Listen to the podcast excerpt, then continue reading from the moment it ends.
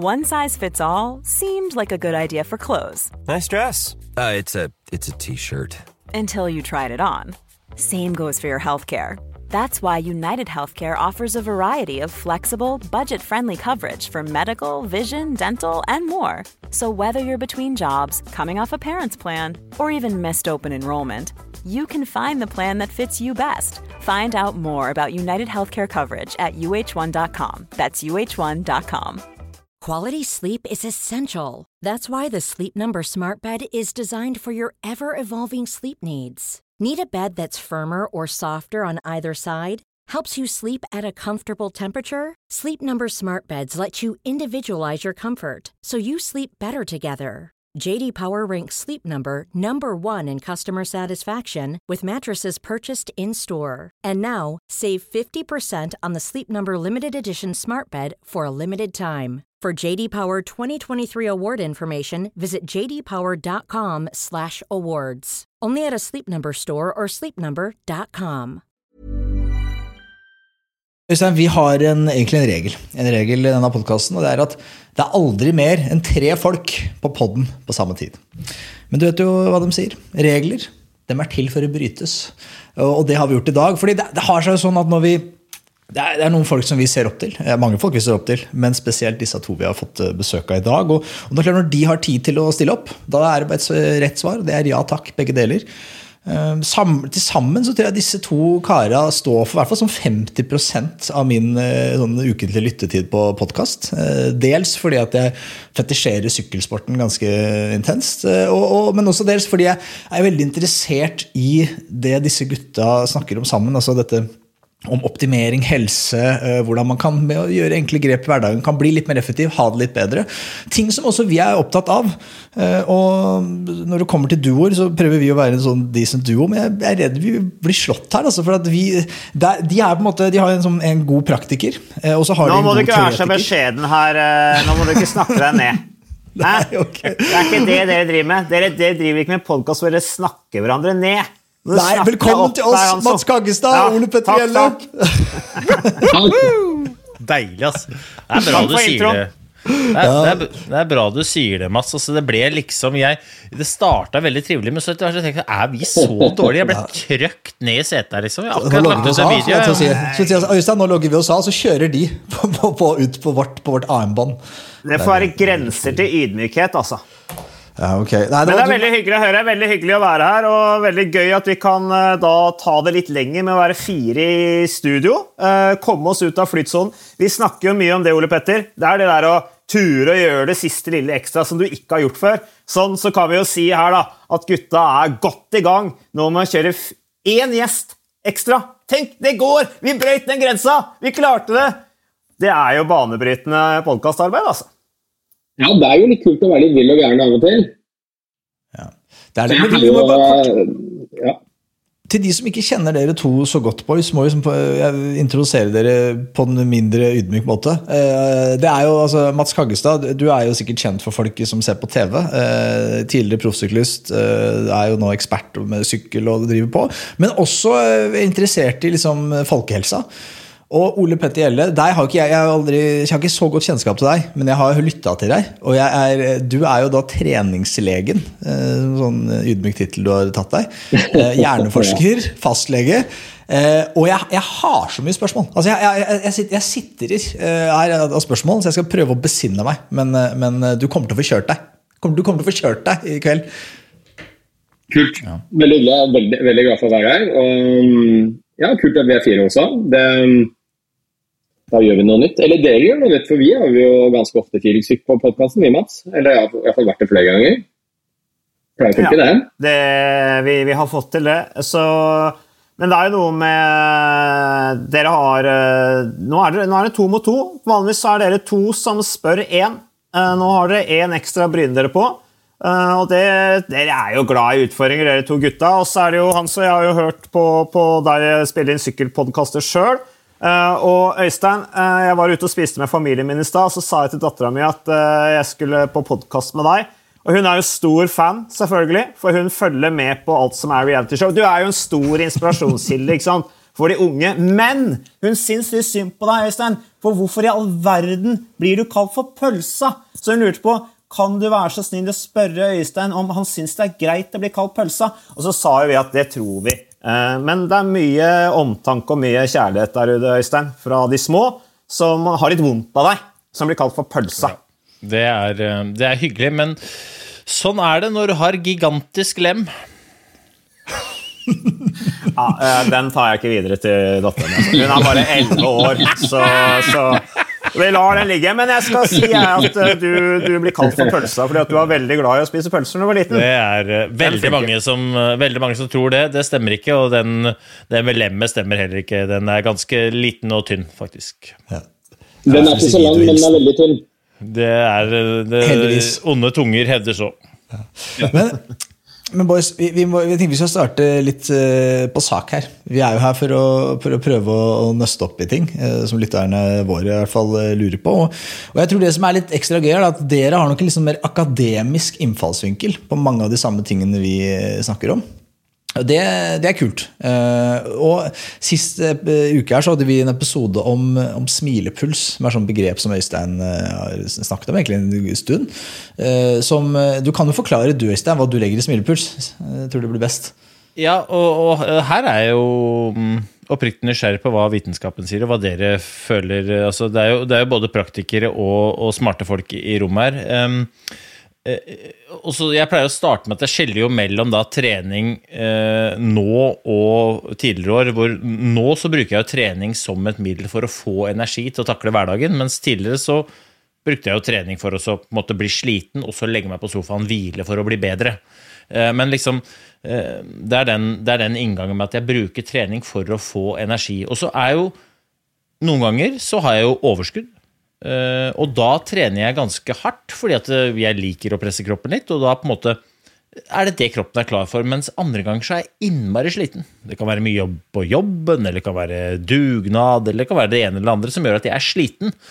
Og da trener jeg mye kortere, mye roligere, men felles for begge øktene er at jeg skal smile underveis. Altså jeg, jeg, må, jeg må gjøre det kroppen forteller meg. Og så opplever jeg da at eh, gjennom å følge på en måte den da, så får jeg ganske stort utbytte av relativt beskjeden treningstimer. Og én ting er liksom i sånn forhold til prestasjon, men jeg føler jeg, jeg føler meg rett og slett bra, da. Eh, Og her kan jo kanskje Ole Petter eh, snakke litt, for det, er vel ikke så mye som skal til for å påvirke helsa positivt, er det det? Må alt være liksom knallhardt? Kan, kan jeg bare si én ting Øystein Hansson, før vi slipper til Ole Petter? Uh, og det er jo det at Jeg er jo litt sånn som dere. Jeg er ikke, jeg er jo ikke fagpersonen. Uh, men jeg ville lage podkast med Ole Petter fordi at Ole Petter har jo autoritet uh, når han snakker, i og med at han er forsker og lege og alt dette her. Og det holder liksom ikke at vi som, altså Det er jo viktig at vi som på en måte har erfaring og vil spre det glade budskap, gjør det. Men for å få ordentlig, ordentlig autoritet på det, så må det komme fra en fagperson da, som gjerne har dekning i forskning. Og Derfor så kan jo Ole Petter svare på det spørsmålet, eller dine, dine refleksjoner rundt det, da, Øystein. Ja, du, jeg svarer veldig gjerne på det. og det enkleste svaret er at hvis målet ditt er å ha det bra og ha god helse og få energi i hverdagen, så, så er det nok veldig mye mindre som skal til enn det mange tror. Og det er klart, Du må jo skille det fra um, trening for å prestere, sånn som selvfølgelig du uh, har gjort i mange år, Øystein, og Mats og for så vidt jeg også. Så, så er det egentlig to, uh, to ganske forskjellige ting. Og så er du inne på noe vesentlig, det med å smile og ha det gøy. fordi vi vet at uh, når du gjør noe du trives med, og faktisk, hvis du smiler, bare det å smile i seg selv gjør at vi frigir en del viktige kjemiske stoffer, spesielt i hjernen, som faktisk øker helsegevinsten vår. Altså, det har de gjort noen studier med som er helt sånn uh, egentlig litt bisarre, hvor de har gitt folk uh, en blyant. Nå har jo ikke jeg en blyant her, men jeg skulle gjerne vist det. Og så kan du da enten bite blyanten på tvers du skal ha den i munnen din. Det er 100 forsøkspersoner som skal ha blyant i kjeften, og så setter de den på tvers. og Da må du smile for å holde den fast med tenna. Og Den andre måten er å holde den, ta den tynne siden inn i munnen. Da må du ha et litt sånn surt fjes. Og så måler de kjemiske stoffer i hjernen eh, under gjennomlysning i en sånn avansert PET-skanner. Og så ser man bare det at du smiler fordi du har en blyant som du må holde fast i munnen, så skiller du ut 30-40 mer av disse kjemiske stoffene, bl.a. dopamin og noradrenalin og endorfiner, som gir oss en helsegevinst, og som definitivt uh, hever humøret vårt. Uh, og, og, du løser konsentrasjonsoppgaver, oppmerksomhetsoppgaver bedre, så du får bedre konsentrasjon, oppmerksomhet, hukommelse og humør. Så, så den, den der um, smilefaktoren, den er viktig. Men, men du sa jo eh, at eh, hvis du ikke har som mål å på en måte prestere veldig høyt, men kan man ikke bruke dette prinsippet selv om man har som mål å prestere veldig høyt? Altså den der lytte til kroppen-prinsippet, og det og smile, smileprinsippet også? Definitivt. Eh, jeg tenker det har en overføringsverdi eh, uansett hva som er målsetningen din med trening. Men poenget mitt var at eh, Og dette er jo veldig avhengig av hva slags utgangspunkt du har, da, men for folk flest så, så er det veldig lite som skal til for at du får en bedre helse, bedre hverdagsfunksjon, bedre livskvalitet. Og det er vanskelig å si at det går på så og så mange minutter, men, men her snakker vi om mengder som er kanskje en ti minutters spasertur hver dag. For veldig mange nordmenn ville det gitt en formidabel gevinst. Men, og, og, og, ja.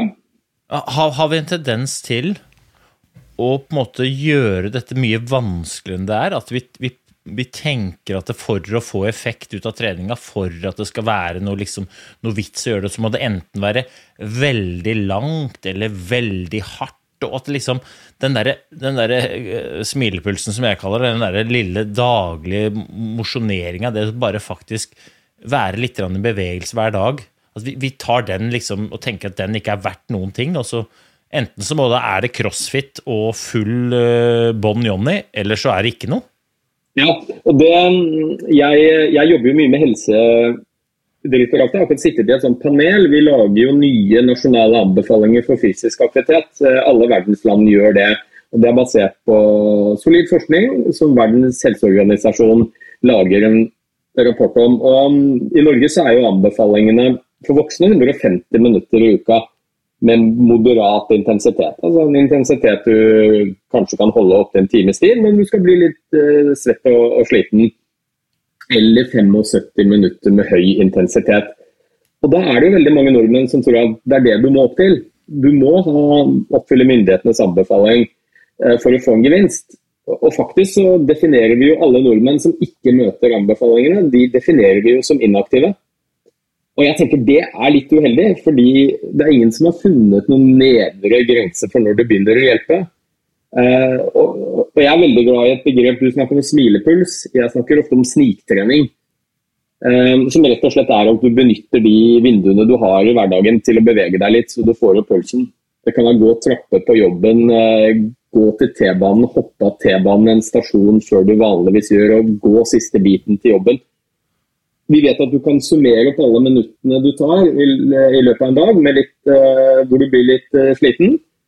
Er det ti ganger du har tre minutter med litt aktivitet i løpet av dagen, så har det tilnærmet samme helseeffekt som en 30 minutters isolert økt. Ja, jeg kjenner liksom Jeg blir litt sånn derre Når du sier det, så er det sånn ah, Kom igjen. Hvem er det som gidder å hoppe? Av det. Det er, sånn der, eh, det er noen sånne folk som er ute som eh, Jeg kan si, jeg kan si Yngvar, siden han kritiserte meg for å jukse i 90 grader. Så sier jeg Yngvar da liksom, ja, kom igjen, så kjøper du litt ekstra melk, og så tar du rister den litt opp og ned, og så er du i gang, liksom. Og så tenker man ah, Men det, det, er sikkert som du sier, da. Men eh, hvis, man, hvis, du sier liksom, ja, det, det, er veldig smart å gjøre, hva, hva, er det som er veldig dumt å gjøre? Er det noe liksom, du kan gjøre som er veldig dumt? Altså sånn Ok, det er optimalt med 75 minutter, f.eks., men hva er liksom katastrofalt, da? For å dra det helt til andre enden, hva er det dårligste du kan gjøre? Ja, Det dårligste du kan gjøre, er å gjøre ingenting. Ja, ikke noe? Men det er vel ikke noen som ikke gjør noe? Ja, det er Jeg tror du vil bli overrasket. Hvis, hvis vi, vi, gjør jo alltid en sånn undersøkelse hvor vi ser på hvor mye gjennomsnittsnordmann beveger seg. og Og de fleste, ja, for de jeg snakker med, blir jo altså De tror ikke på meg når jeg sier hvor lite bevegelse gjennomsnittsnordmann gjør i løpet av et døgn. Og det er jo gjerne fordi at vi eh, bruker tid med mennesker som er ganske like oss selv. Det er jo en sånn klassisk egenskap vi har. Vi eh, flokker oss rundt de som er ganske like oss selv. Men, Men eh, gjennom, ja, gjennomsnittsnordmann går 5000 steg da, i løpet av en dag. Altså, jeg kan jo prøve å sette det litt i et perspektiv, hvor mye eller lite det er. Jeg har jobbet i 15 år som fastlege. Og mellom åtte om morgenen til klokken fire om ettermiddagen. Og da sitter jeg på et legekontor. Og alle har vært hos legen. Det er ikke mye vi beveger oss. Vi reiser oss og går ut i venteværelset og henter en pasient. Sitter vi og snakker med det, og så går vi kanskje inn på laben en tur. Og er det en god dag, så har vi faktisk tid til lunsj òg. Da går vi til lunsjrommet 20 meter unna. I løpet av en sånn arbeidsdag så har jeg 10 000 steg. Og da snakker jeg ikke om trening utenom, det er bare den tiden jeg er inne på legekontoret. Så Ja, så fancy. gjennomsnittsnordmann beveger seg forsvinnende lite, og det er jo fordi vi trenger det ikke. Vi har biler og rulletrapper og heiser og Men jeg skjønner ikke åssen det er mulig. Altså, i dag, i dag er det søndag, eh, og jeg har da løpt 55 minutter. Og så har jeg en sånn fancy polarklokke med skritteller, og på min skritteller så står det 27 185 skritt. Den polarklokka er raus. Ja, men Øystein. Det er nesten en Øystein, uke det. Det er uke- det er en 55 uke det. Ikke sant? Ja, men det det er, ti, det er ca. 10 000 steg. Det er 10 000 steg, cirka. Så jeg skata litt, og så har jeg rydda i hagen, og så har jeg vært på spist indisk i samme familie og cruisa rundt. Det. Men Men, for eh, gjennomsnittsnordmann, det, Øystein. Ja, jeg så på en undersøkelse fra Storbritannia som viser altså at Jeg har den foran meg, må bare kikke på, for det er nesten, for- det er nesten, det er, det er nesten utrolig, for utrolig til å være sant. Og Her står det altså én av fire kvinner, én av fem menn i Storbritannia er klassifisert som fysisk inaktive. Det vil si at de gjør mindre enn 30 minutter med moderat fysisk aktivitet i uka. Ikke sant? Eh, da, da, da, da, snakker vi lite. Ja, altså, altså, det er like farlig som å røyke. Og da er det vel òg sånn at de er altså så dårlig form at det å gå og drite klassifiseres som moderat aktivitet. Ja, reise opp av Eller sofaen. høy, jeg mener, kanskje ja, høy intensitet. Kanskje. Kanskje. ja, bare det å tenke på å ta på seg joggesko gjør at pulsen løper løpsk. ikke sant? Og, og i tillegg, da, i forbindelse med undersøkelsen der, så er det da en rapport som viser hvordan sykehusene i Storbritannia de har jo da måttet investere masse utstyr fordi at det skal, de skal jo behandle folk som er mye større enn det de skal være. Som jo koster ekstremt mange milliarder. og Det er ikke for å lage skam, men det er realiteten. Og det er klart at potensialet i samfunnet for å spare mye penger som man kan bruke på andre ting som kommer samfunnet til gode, så er det der med bevissthet og motivasjon rundt fysisk aktivitet utrolig gevinst på det. da. Eh, en potensiell gevinst. Ja, for, for hva er da, når dere prater med sånne folk, eller nå gjør ikke akkurat eh, dere, det er ikke akkurat dere som har tatt denne studien her, men hva er det da de som, er, de som blir klassifisert som dette, oppgir som årsak? Altså, hva er insentivet deres for å ha så lite fokus på egen helse? Hva, hva, måte, hva er gjengangeren der? Det, det er jo Petter, det er jo gjerne eller Øystein, det er jo stress. eh, Det er eh, at de ikke får hverdagen til å gå opp. eh, Det kan være depresjon. Det kan være at jobben er altoppslukende. Og det er jo gjerne sånn, Øystein, at du, Men er det, er det problemet eller symptomet? Nei, altså det starter med det, og så, og så, og så setter du ikke av Du på en måte, du prioriterer ikke fysisk aktivitet, og så blir du vant til å være inaktiv. Og jo mer du er inaktiv, jo dårligere form kommer du, jo større er terskelen for for å begynne med det. Eh, og, og, og sånn, sånn baller det på seg. Eh, sånn at eh, da er man inne i en, en, inne en dårlig spiral, og jo dårligere form du kommer, jo vanskeligere er det å komme i gang. Eh, så det vil jeg tro er en del av problemet, Ole Petter. Ja, det er det. Men jeg lurer på om det kanskje mest er symptomet, litt som Øystein sier. fordi i et mer sånn makroperspektiv Husk at mange av de utfordringene vi har i dag, med inaktivitet og overvekt fedme, da, to av de største folkehelseproblemene globalt sett, de eksisterte ikke for to eller tre generasjoner siden. De er, de er helt ferske, og, og det handler nok veldig mye om eh, hva slags samfunn vi lever i. Vi lever i et samfunn hvor vi strengt tatt ikke lenger trenger å bevege oss eh, i hverdagen. Og det er jo ganske ironisk. I dag så vet vi mer enn noensinne om hvor viktig det er å bevege seg for helsa, for livskvalitet. allikevel gjør vi alt vi kan for å finne opp nye måter så vi slipper å bevege oss på. Og nå har vi jo robotstøvsugere. Sånn vi har elsparkesykler. Og bare For å ta et lite eksempel. da. Eh, en fjernkontroll til en TV. Det er disse små tingene i hverdagen. La oss si at du gjorde et lite eksperiment. Du kvitta deg med fjernkontrollen til TV-en din. Og så har du et vanlig TV-tittingmønster som er gjennomsnittsnordmann. Så eneste forskjellen i livet ditt nå er at du i ett år så må du reise deg fra sofaen, gå bort til TV-en og bytte kanal manuelt og gå og sette deg igjen. Hvis det er den eneste endringen du gjør, og alt annet er likt, så går du ned syv kilo i løpet av et år. Det er bare den lille fjernkontrollen, ikke sant. Så jo, men altså, vi har laget et samfunn hvor vi ikke trenger å bevege oss. Det er tilrettelagt for inaktivitet. Og I tillegg så begynner det å bli liksom bevegelsesfiendtlig eh, på mange måter. Vi, vi har ikke lenger altså Vi bygger motorveier, vi har ikke trygge skoleveier, sykkelstier. Eh, vi putter offentlige bygg og kjøpesentre og sykehus langt unna der folk bor. Sånn at de er tvunget til å kjøre bil dit. Så har vi en stillesittende skole, stillesittende arbeidsliv, som for så vidt er ganske nytt. Eh, I tillegg så har vi fri tilgang til kalorier, og vi har plenty med penger. Eh, det tror jeg er den klart viktigste årsaken til at vi beveger oss mindre og går opp i vekt. Og så er det også en, og så er det utrolig polarisert. Da. For vi sier jo at 75% av befolkningen er inaktive. 70% har fedme eller overvekt. Men hvis du ser på de i befolkningen som har høyere utdanning, hvis du tar det som en egen gruppe, dvs. Si universitet- eller høyskoleutdanning, så snakker vi om at det er 15 av befolkningen som er inaktive, og kanskje 10% som er overvektige av fedme. Tar du de med ungdomsskoleutdanning som høyeste, så snakker vi om da er det 40% fortsatt som røyker. Eh, og enda mye høyere andel som er inaktive og, og uh, overvektige og fedme. Så det er ekstremt uh, sånn sosial gradient. Da. Ja. Sosiale forskjeller i, i helse. Liksom. Veldig. Og det er faktisk, og det er jo litt ironisk at i et sosialdemokrati som Norge, så har vi større sosiale forskjeller i helse enn så godt som alle land i Europa vårt som det er naturlig å sammenligne seg med. Men hva skyldes det? For det, for det var det jeg liksom skulle til. Jeg synes Dere gjør en god innsats med å forsøke å, å utdanne befolkningen om du vil, da, på disse temaene. Men det er dessverre sannsynligvis altfor få som hører på dere. Men hvordan er det dere angriper det når dere møter noen? Jeg antar Når jeg er ute og jobber med bedrifter og så, videre, så møter de sannsynligvis noen i disse gruppene som ikke er noe motivert. Som ser liksom, ah, Mats Kaggestad Ole, oh, Ole Petter, liksom. Det skal ikke jeg være med på, for jeg beveger meg ikke. Hvordan angreper dere de casene der? Jo, det er helt riktig. Altså, noen blir provosert av bare tanken på å høre oss snakke om at eh, fysisk aktivitet er, er bra og at du bør mosjonere og sånne ting. Men, men, det vi gjør med, med, når vi jobber med, med, næringslivet, er at vi på en måte bygger et arbeids, eller skaper et arbeidsmiljø eh, hvor de ansatte, som jo kjenner hverandre godt fra før, eh, og som er i sånn tilsvarende samme situasjon med jobb og familie og og de er kanskje ikke så fysisk aktive, men at vi, vi må sette terskelen veldig lav. Da, eh, og få de til å få mestringsfølelse med veldig lav terskel. Altså det der å begynne å gå.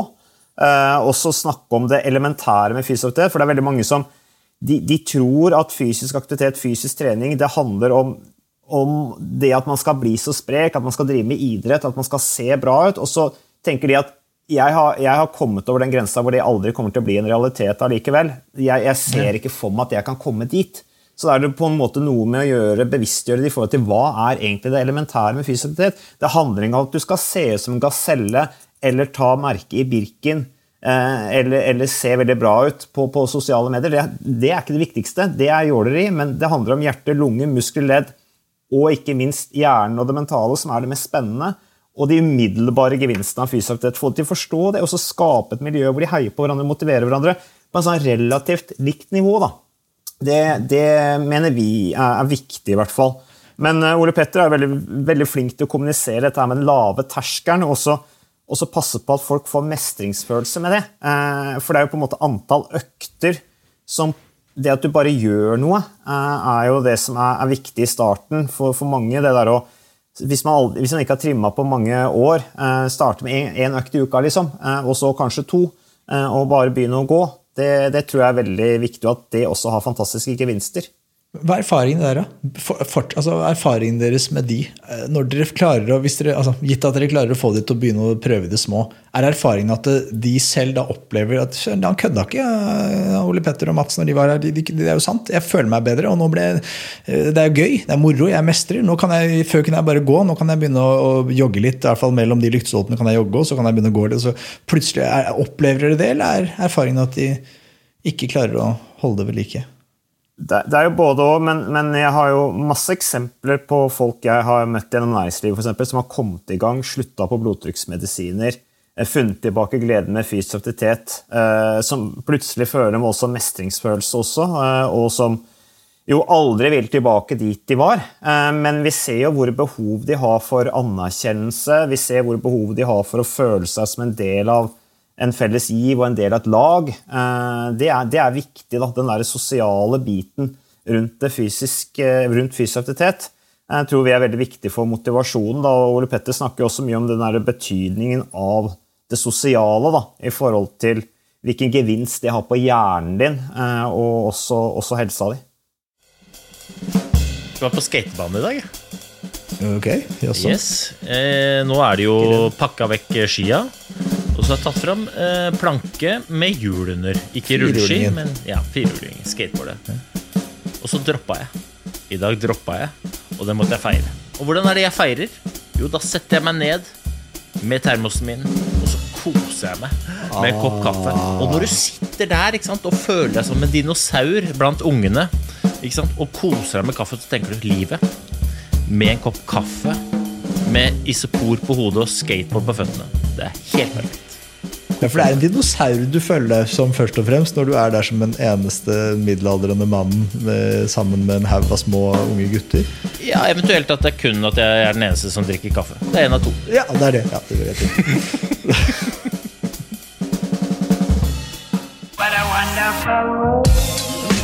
Jeg skjønner ikke, altså øh, Hvorfor er det da sånn at disse menneskene, etter at de har prata med dere og begynner å gå litt, plutselig får et sånt eureka opplevelse av at det er veldig smart å røre seg. For dette er jo noe som, med mindre du virkelig går inn for det, har fått med deg. Altså god helse, det lønner seg. Det lønner seg å ta vare på kroppen din. Og hvis du skal være dedikert til noe, så vær nå for guds skyld dedikert til å ta vare på deg sjæl litt. Og det dreier seg ikke om det merket i Birken. Det dreier seg om å være litt bevisst på hva du dytter i gapet. Være litt bevisst på at det innimellom blir litt klam på ryggen. Gjøre noe som gjør at du må ta deg en dusj fordi at du har vært i bevegelse. Altså, disse tingene, Det er jo ting vi vet, men så er det sånn Jeg opplever liksom at veldig mange lar det skure og gå så lenge inntil de blir tvunget til å ta tak i det. Altså, jeg leste en sånn uh, artikkel her om at hvis du fikk et hjerteinfarkt, så var det den største predikatoren for om du kom til å lykkes med en livsstilsskifte eller ikke. Og Det er sånn, det er jo ingen som tror at du blir noe smartere av å få et hjerteinfarkt. Men da får du syretesta det du har lært for veldig lenge siden, og som du egentlig har visst hele tiden, men som bare har gitt blaffen i. At det lønner seg å ta vare på helsa di. For hvis det ikke du tar vare på helsa di, så ligger du kanskje under øh, seks fot med jord og angrer. Hva er greia, liksom?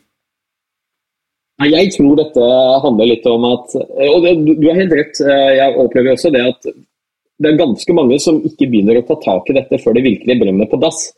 Og Da snakker jeg selvfølgelig om at kanskje har du fått et hjerteinfarkt eller du har fått diabetes type 2 eller et eller annet. Da, men selv da er det mange som ikke får det til. Altså, de har fått et hjerteinfarkt og får vite at vet du hva, nå, nå De kanskje får vite av legen sin at nå er det viktig at du setter i gang, ellers så kan du fort få et hjerteinfarkt til. Selv mange av de sliter med å få det til. Jeg tror Ja, flere jeg, skjønner, jeg, jeg skjønner ikke det. Det er litt vanskelig å forstå. Eh, Jeg pleier veldig ofte å snakke om at eh, vi har en hjerne som er lat. Altså vi er født med en hjerne som er lat. Og jeg tror det forklarer mye av utfordringen. Altså, hvis du sånn helt rasjonelt eller begynne å snakke om de gevinstene du får ved å bevege deg, altså det er jo side opp og side ned.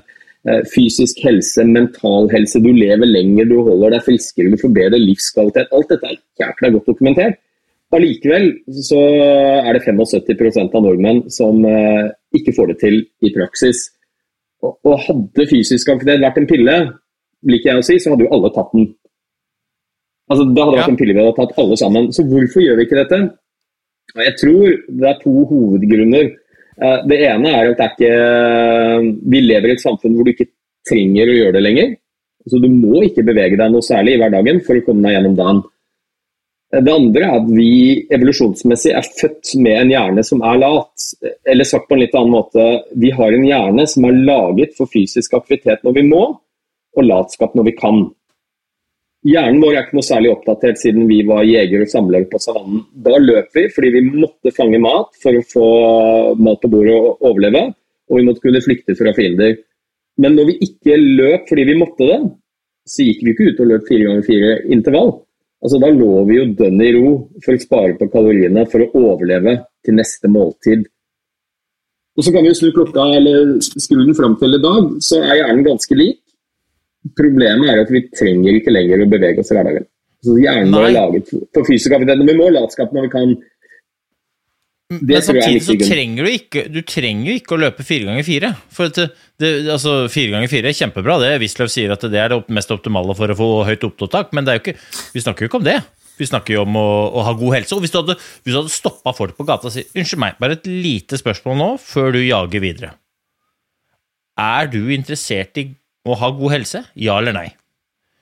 Det er veldig få som har sagt Nei, akkurat det der god helse, det er ikke jeg så opptatt av. Det det, eh, det bryr ikke jeg meg om. Den kroppen her, den får bare, det får bare skure og gå så lenge det holder. Men god helse er ikke for meg.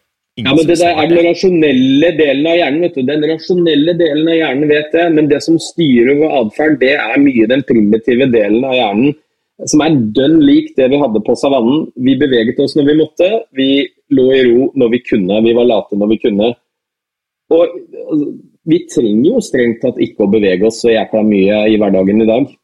Og da gjør vi det heller ikke. Så jeg pleier å si det til folk som sliter litt med å komme seg i aktivitet. De sier jo at de selvfølgelig vil jeg ha god helse, jeg har lyst til å bevege meg litt mer. Sånne pasienter har jeg truffet i 20 år. Og så viser det seg i praksis at det er jækla få som får det til. Så pleier jeg å si at da er du ganske normal. Altså, det, er, det er ikke noe galt med deg. Det er sånn vi er laget.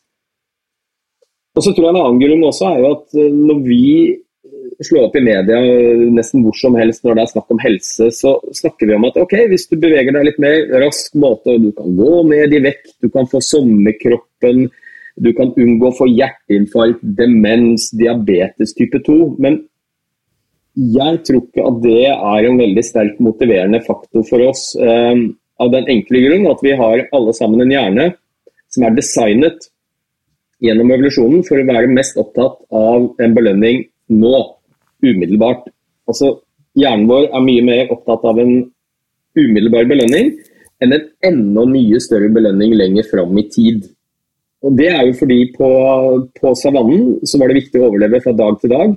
Det var masse trusler rundt oss, og vi kunne ikke tillate oss å tenke langsiktig. Det, det var det ikke noe poeng i, for vi levde ikke så lenge, men vi måtte overleve i dag.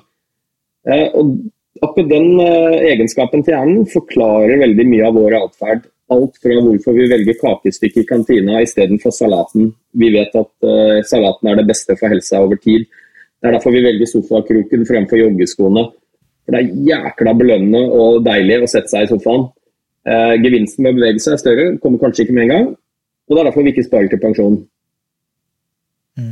Så, så jeg har veldig tro på det, at hvis du skal få folk flest til å bevege seg litt mer, så drit i å snakke om risiko for hjerteinfarkt og demens og diabetes type 2. Altså, folk aner ikke hva de skal neste helg engang. Vi er ikke laget for å tenke langsiktig. Det vi vil ha, er en belønning her og nå. Og da tror jeg det er nyttig å snakke om de eh, gevinstene vi opplever med en gang vi er litt i bevegelse, som folk flest kjenner igjen. Vi, Mats, Mats og jeg hadde akkurat en samling med en hel gjeng med helt eh, vanlige folk i en bedrift. Og så spør vi dem hva er det, opplever, hva er det som motiverer deg til å bevege deg?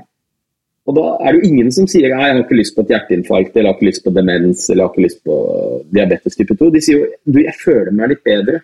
Jeg får bedre humør, jeg får bedre energi, eh, jeg sover bedre, orker mer i hverdagen. Det er de tingene vi skal snakke om. Vi skal ikke snakke om badekroppen eller gå ned i vekt eller risiko for sykdom. Ja, men det er akkurat det jeg tenker, liksom, at den belønninga som du eh, på en måte etterspør, den ligger jo der.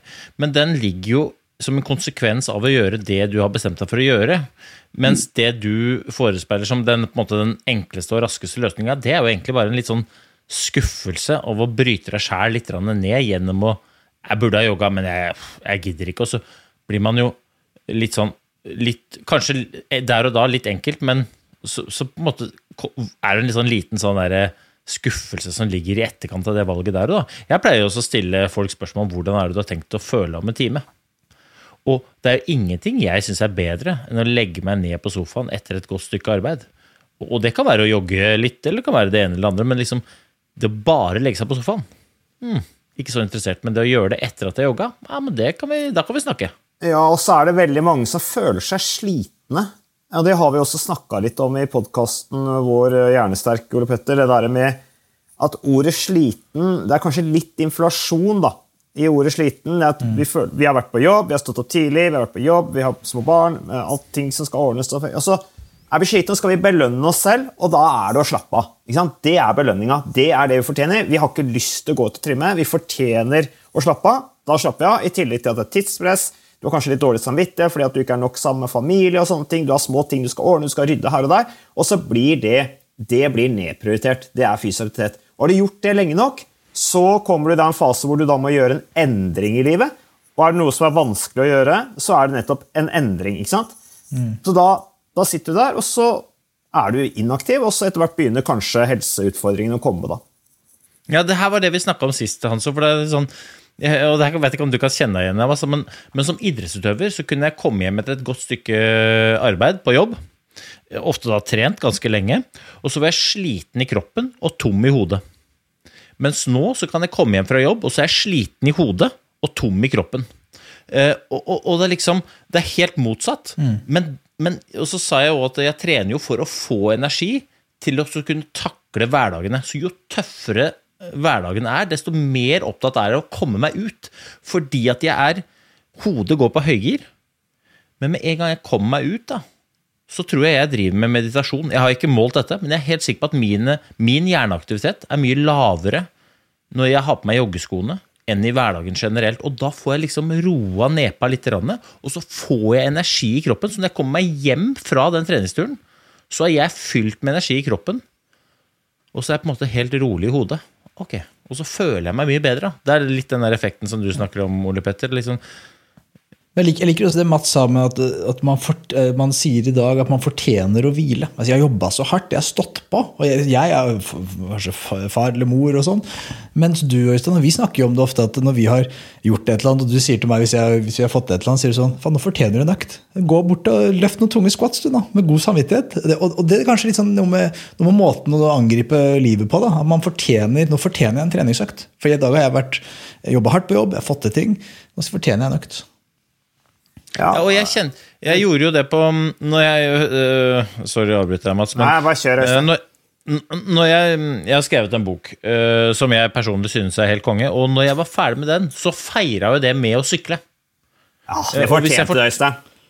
Takk. Nå mm. ble det jo det. Men der fikk jeg jo syretesta litt, da. I forholdsvis ekstrem variant også. Men på den sykkelturen så fikk jeg denne hjernehinneblødninga. Og der fikk jeg jo syretesta hvor mye på en måte hodet og kroppen henger sammen. For det var helt, det var helt spesielt. Altså, jeg var så fin i muskulaturen som jeg aldri har vært etter tvungen hvile ganske mange dager på rad, for å si det sånn. Men hodet, det var helt ødelagt. Og det var først når jeg fikk begynne å gå Jeg hadde rolige turer. Jeg gikk til, fram og tilbake til postkassa, f.eks. Vi, vi snakker 100 meter. Men bare det å gjøre det Jeg kjente hvordan det påvirka resten av kroppen. I, I, ekstremt positiv forstand. Og det å gå til altså Jeg har gått Birken på slalåmski, så det er, ikke noe sånn, det er ikke det at jeg ser på det som ekstremt krevende. Men når jeg begynte å gjøre det, så var jeg plutselig helt oppe å spille igjen. Liksom jeg kjente effekten kom med en eneste gang. Selv om det var ganske tøft å gå ut av døra. Det er jeg ærlig på. Jeg sier jo til kona mi, og har, jeg husker første gang jeg sa det til henne, hun sa bare 'hæ'? Eh, da sa jeg du, Marita, som kona mi heter, nå, nå, er jeg så sliten, så nå, nå, tar jeg meg en treningstur. Og så sa hun liksom Ja, men du er så sliten at du skal ta deg en treningstur.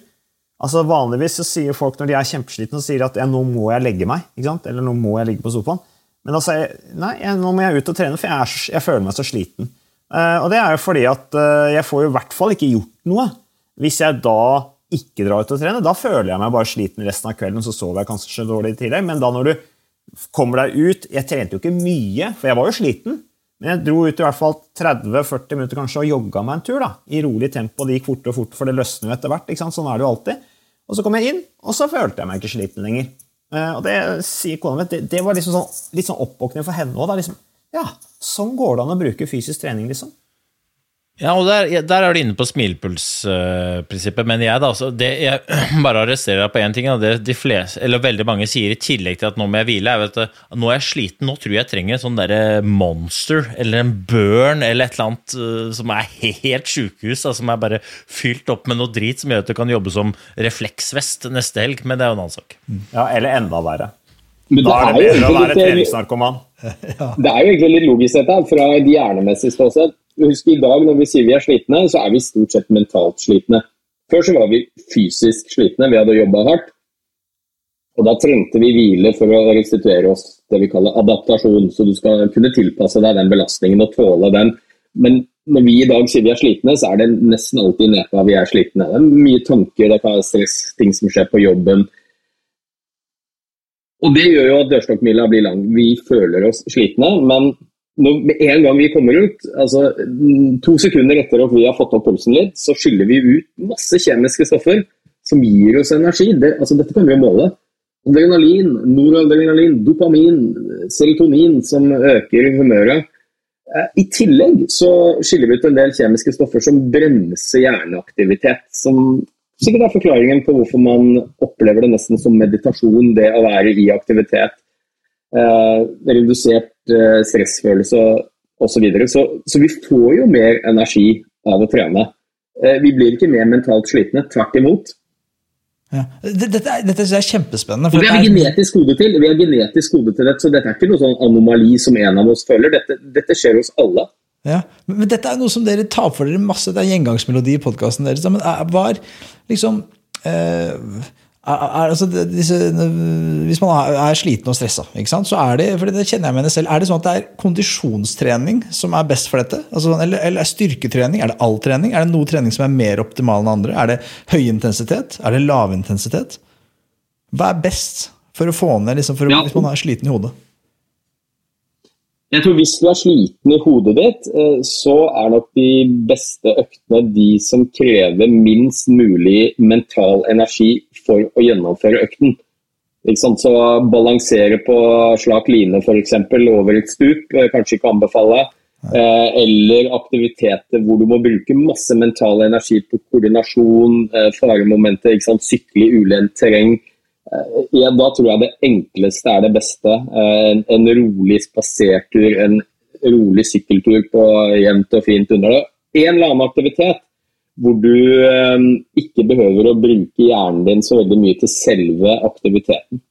Ja, så Eh, Kan jeg få bare komme med sånn lite tankekors eh, oppi dagens samfunn? eh, I samfunnet vi lever i nå. Eh, og jeg vet Øystein uh, Hansson sikkert også dette her med barn og unge. ikke sant? Det er viktig å inspirere de. Eh, og jeg tror jo dette med fysisk trening handler veldig mye om liksom erfaring. Har du erfart det, så eh, er det mye lettere å kjenne seg igjen i, altså analysere følelsen av det.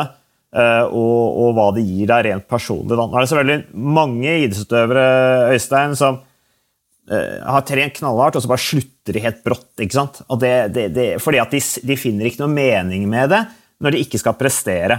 Og Det er jo veldig synd, men da mangler de jo fullstendig bevisstheten. og Da har de ikke reflektert over egentlig hva det gir de, bl.a. på det mentale. da. Men det som er tankekorset mitt, er det at når det handler veldig mye om erfaring, da, og, og på en måte kjenne følelsen av fysisk trening, hva det gjør med deg, både fysisk og mentalt, eh, som jo skaper en motivasjon til å, å fortsette å gjøre det, så tenker jeg at utfordringen i dagens samfunn er at det er veldig mange barn og unge i dag som går glipp av den erfaringa. De begynner ikke med idrett. Mange faller fra idretten tidlig. Eh, Det er et utrolig utvalg i dag innendørs eh, som ikke krever at du bruker en kalori.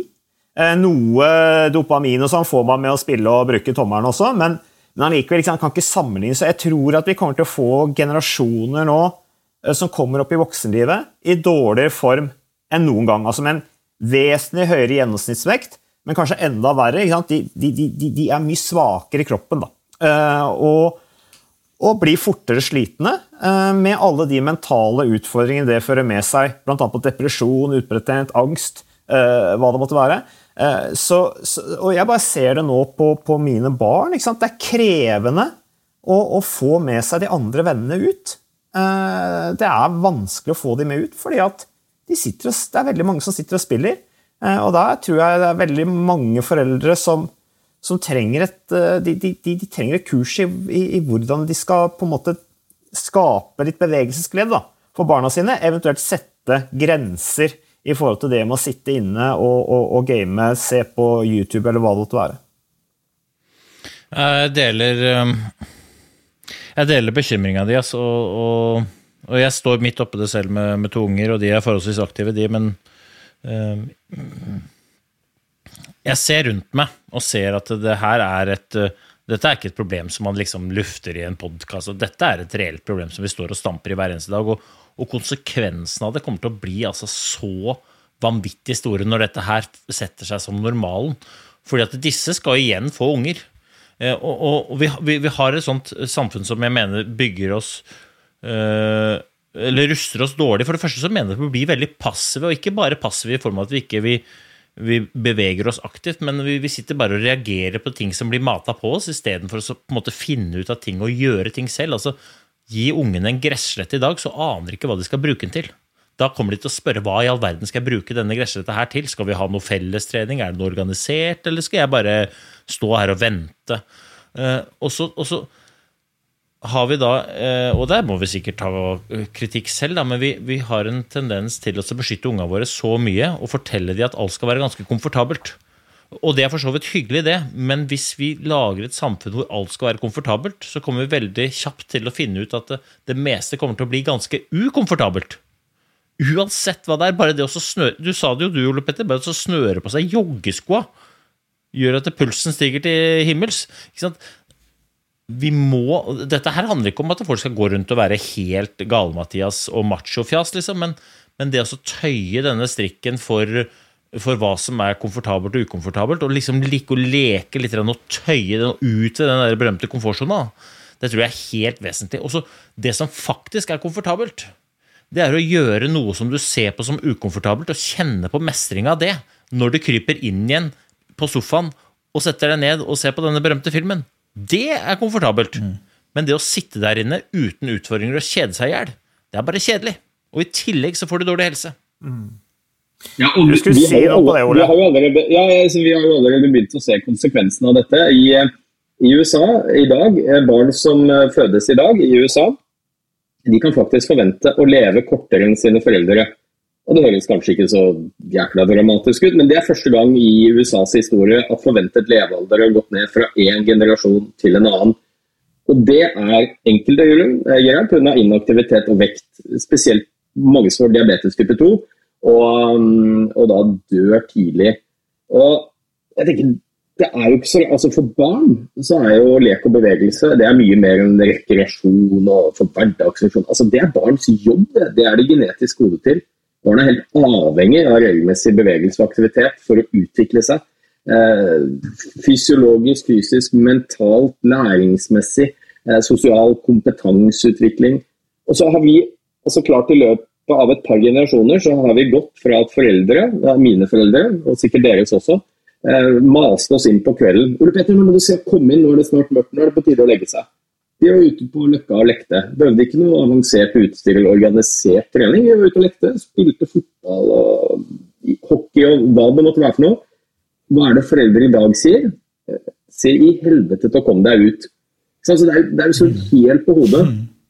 Og det er jo ikke så rart heller. Altså, når 75% av den voksne befolkningen er inaktive, det er jo foreldre til disse barna. Og vi, er jo instruksjonsmanualer for barna. Eh, er vi inaktive, så, så, er det veldig stor sannsynlighet for at barna dine også blir det. Så Dette syns jeg er noe av det aller mest bekymringsfulle i samfunnet i dag. Det er barn og unge som beveger seg ufattelig lite. altså. Men, eh, men jeg har tenkt på her, og, og jeg vet ikke om det er et, eh, det er et ønsket substitutt, da, men kan moderne medisin redde dette? Du snakka innledningsvis om at hadde det vært en pille hvor fysisk aktivitet var på pille, så hadde vi alle tatt den. Er det så utenkelig at fysisk aktivitet, altså gåseøyne, kan komme i pilleform? At disse, disse kjemikaliene i hjernen kan Det finnes jo sannsynligvis ulike stoffer som kan klare å framprovosere dette på et eller annet vis, men eh, og at du kan klare å gjøre noe med forbrenning. Altså, er, er det helt utenkelig? Nei, det er ikke utenkelig. Hvis jeg får lov til å bli litt nerdete en liten stund, så kan jeg Gjerne. fortelle at denne pillen, pillen den finnes eksperimentelt. Det er teknisk sett ikke en pille, det er en injeksjon. Men eh, vi vet at eh, veldig mange av disse spesielt gevinstene på hjernen, eh, mental helse, hukommelse, oppmerksomhet, konsentrasjon, alle disse tingene, Eh, der vet vi ganske godt hvilke kjemiske stoffer i hjernen som er ansvarlig for de effektene.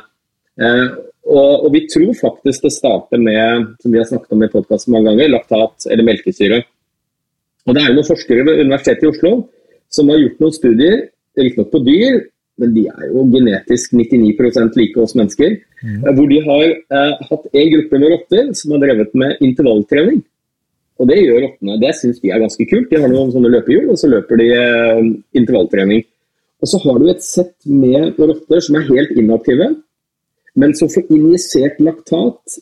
Samme mengde laktat som de eh, joggende musene produserer selv.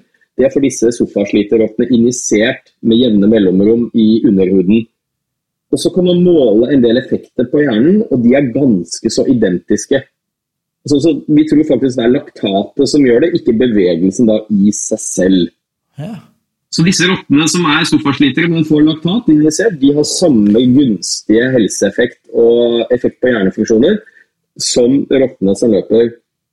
Og så har de gjort bare sånn For å bevise at det er laktatet, så har de, funnet noen, har de manipulert genene til ett sett med rotter som mangler mottakermolekyler for laktat i hjernen. Ja. Og når de trener, og når de får laktatinjeksjoner, så hjelper det dem ingenting. Nei. Så de, de, jobber faktisk med å lage denne injeksjonen, teste den på mennesker.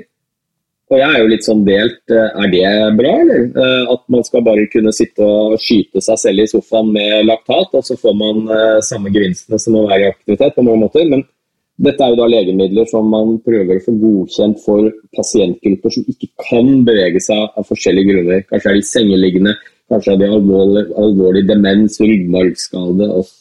Så, videre. så ja, jeg tror det er teknisk mulig å få noen av helsegevinstene iallfall i eh, pille- eller injeksjonsform. Men Tenk deg det, Hanso. Tenk deg det markedet der, da, når når det går opp for mosjonistene at deres harde åpning i Birken faktisk kan tappes på glass på Skansesentra og selges, og så får det royalties. Da tror jeg fader meg at alle mosjonsløp kommer til å få en oppsving både i antall deltakere og i åpningsfart. Og jeg, jeg sier at åpningsfart er høy på nesten alle. Men det er jo en ting man glemmer da, og det er jo at ja, du kan sikkert få en del av de fysiologiske um, effektene av trening i pilleform. Men det man kanskje ser bort fra da, er jo at det er en sånn iboende glede ved å være i aktivitet, som vi faktisk også er genetisk gode for. Den får du jo ikke når du sitter i sofaen og skyter deg med laktat. Så det vil jo ikke bli det samme uansett. Nei, eller det, det du får enda større gevinst ved å bevege deg. Ja, eller det antar du sier at det, det, er så komplekst og så mye, det er så mange ting her som påvirkes av trening, at det er tilnærmet umulig, i hvert fall med dagens vitenskap, å klare å replisere det i pilleform. Men jeg mener sånn rent hypotetisk, da så tenker jeg at det vil jo være eh, Jeg ville i hvert fall vært indifferent til om Hvis jeg kunne fått alle effektene, altså virkelig alle effektene, eh, som å være ute og løpe en time, kunne jeg fått bare gått til deg, Ole Petter, så hadde jeg fått den rett i stjerten. Og så kunne jeg satt meg tilbake og spilt litt gitar eller gjort noe annet. Så tenker jeg sånn hvis, hvis, det var identisk, så er det sånn, med mindre jeg da ikke fant en enorm glede i å være ute og løpe, så, så skulle det vært helt ekvivalent. Skulle ikke det bare sånn rent teoretisk? Men, men Hanso, du, du, sier et stikkord her. da. Du er glad i musikk. ikke sant? Du spiller. Musikken gir deg noe. ikke sant? Det, det gir deg yes. noe mentalt. Altså, Kan vi bytte ut musikken, da? Så kan du bare få en pille eller en sprøyte som gir deg samme gevinst som musikken. Det blir jo litt det samme. Dette her har jo noe med, med livet å gjøre. Altså erfaring, eh, opplevelse. Eh, det, det, er jo noe mer. ikke sant? Ja. Fysisk aktivitet er jo, det er jo, det er jo også mer enn bare helse Altså, de fysiske og mentale gevinstene på det. Altså, det er jo noe med at vi er en del av en helhet hvor vi har litt godt av å oppleve den delen av livet også. tenker jeg, Enten det er ute i skogen eller sammen med andre, eller er med ball eller uten ball eller sykkel. Så ja. Kan du, kan, kan du gjøre det veldig enkelt, da? Altså Hvis du skal ha denne pillen, så må du gå til apoteket.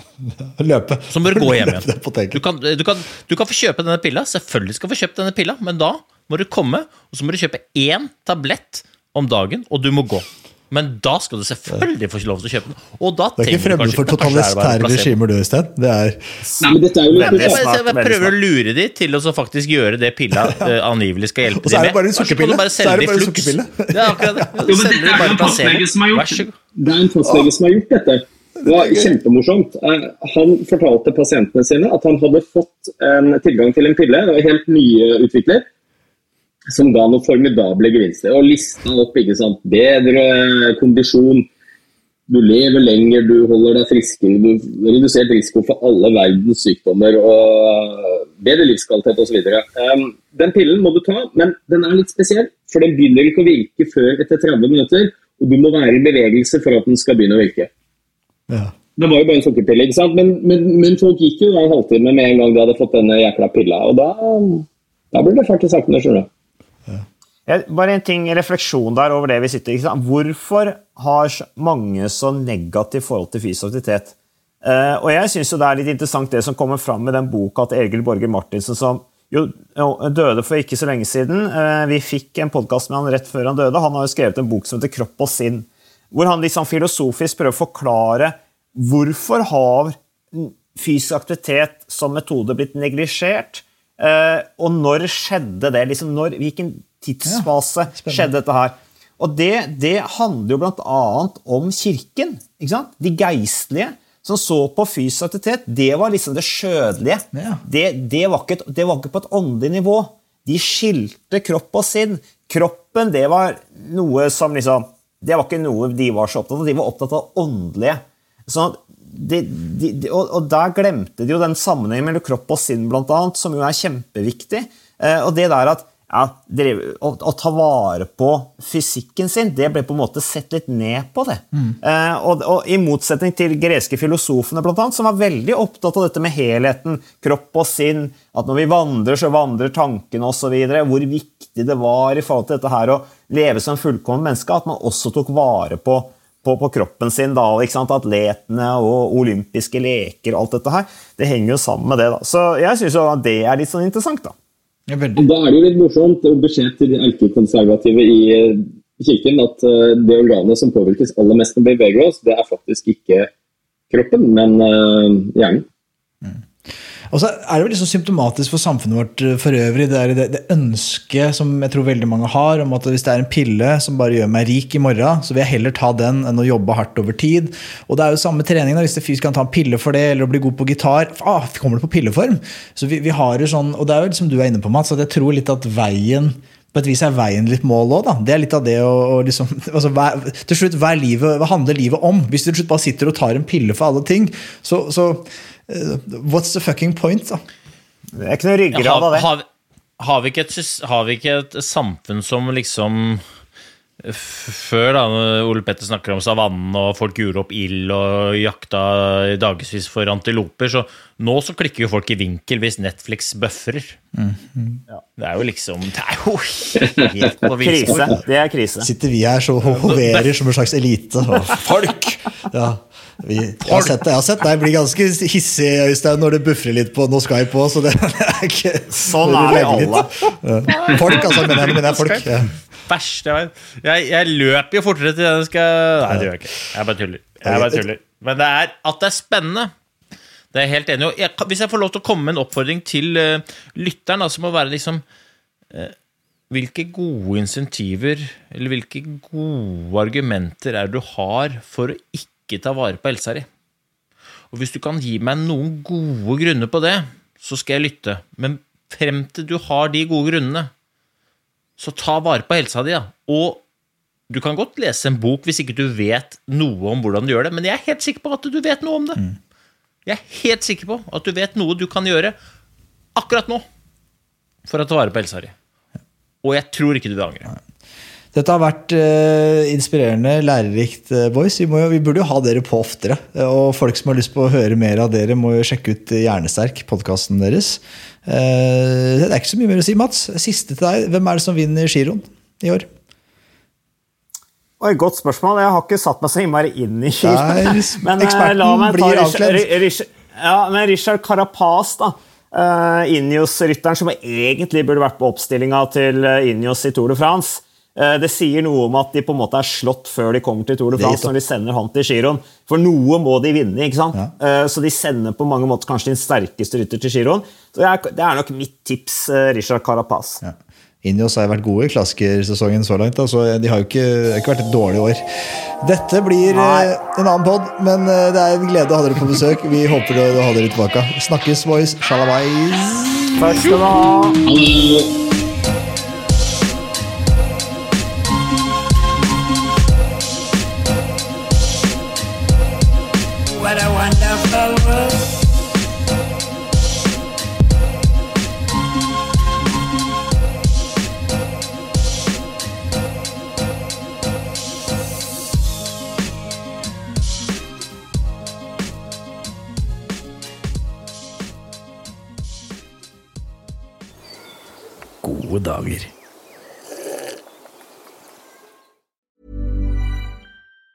Planning for your next trip? Elevate your travel style with Quince. Quince has all the jet setting essentials you'll want for your next getaway, like European linen, premium luggage options, buttery soft Italian leather bags, and so much more. And it's all priced at 50 to 80% less than similar brands. Plus, Quince only works with factories that use safe and ethical manufacturing practices. Pack your bags with high-quality essentials you'll be wearing for vacations to come with Quince. Go to quince.com slash trip for free shipping and 365-day returns.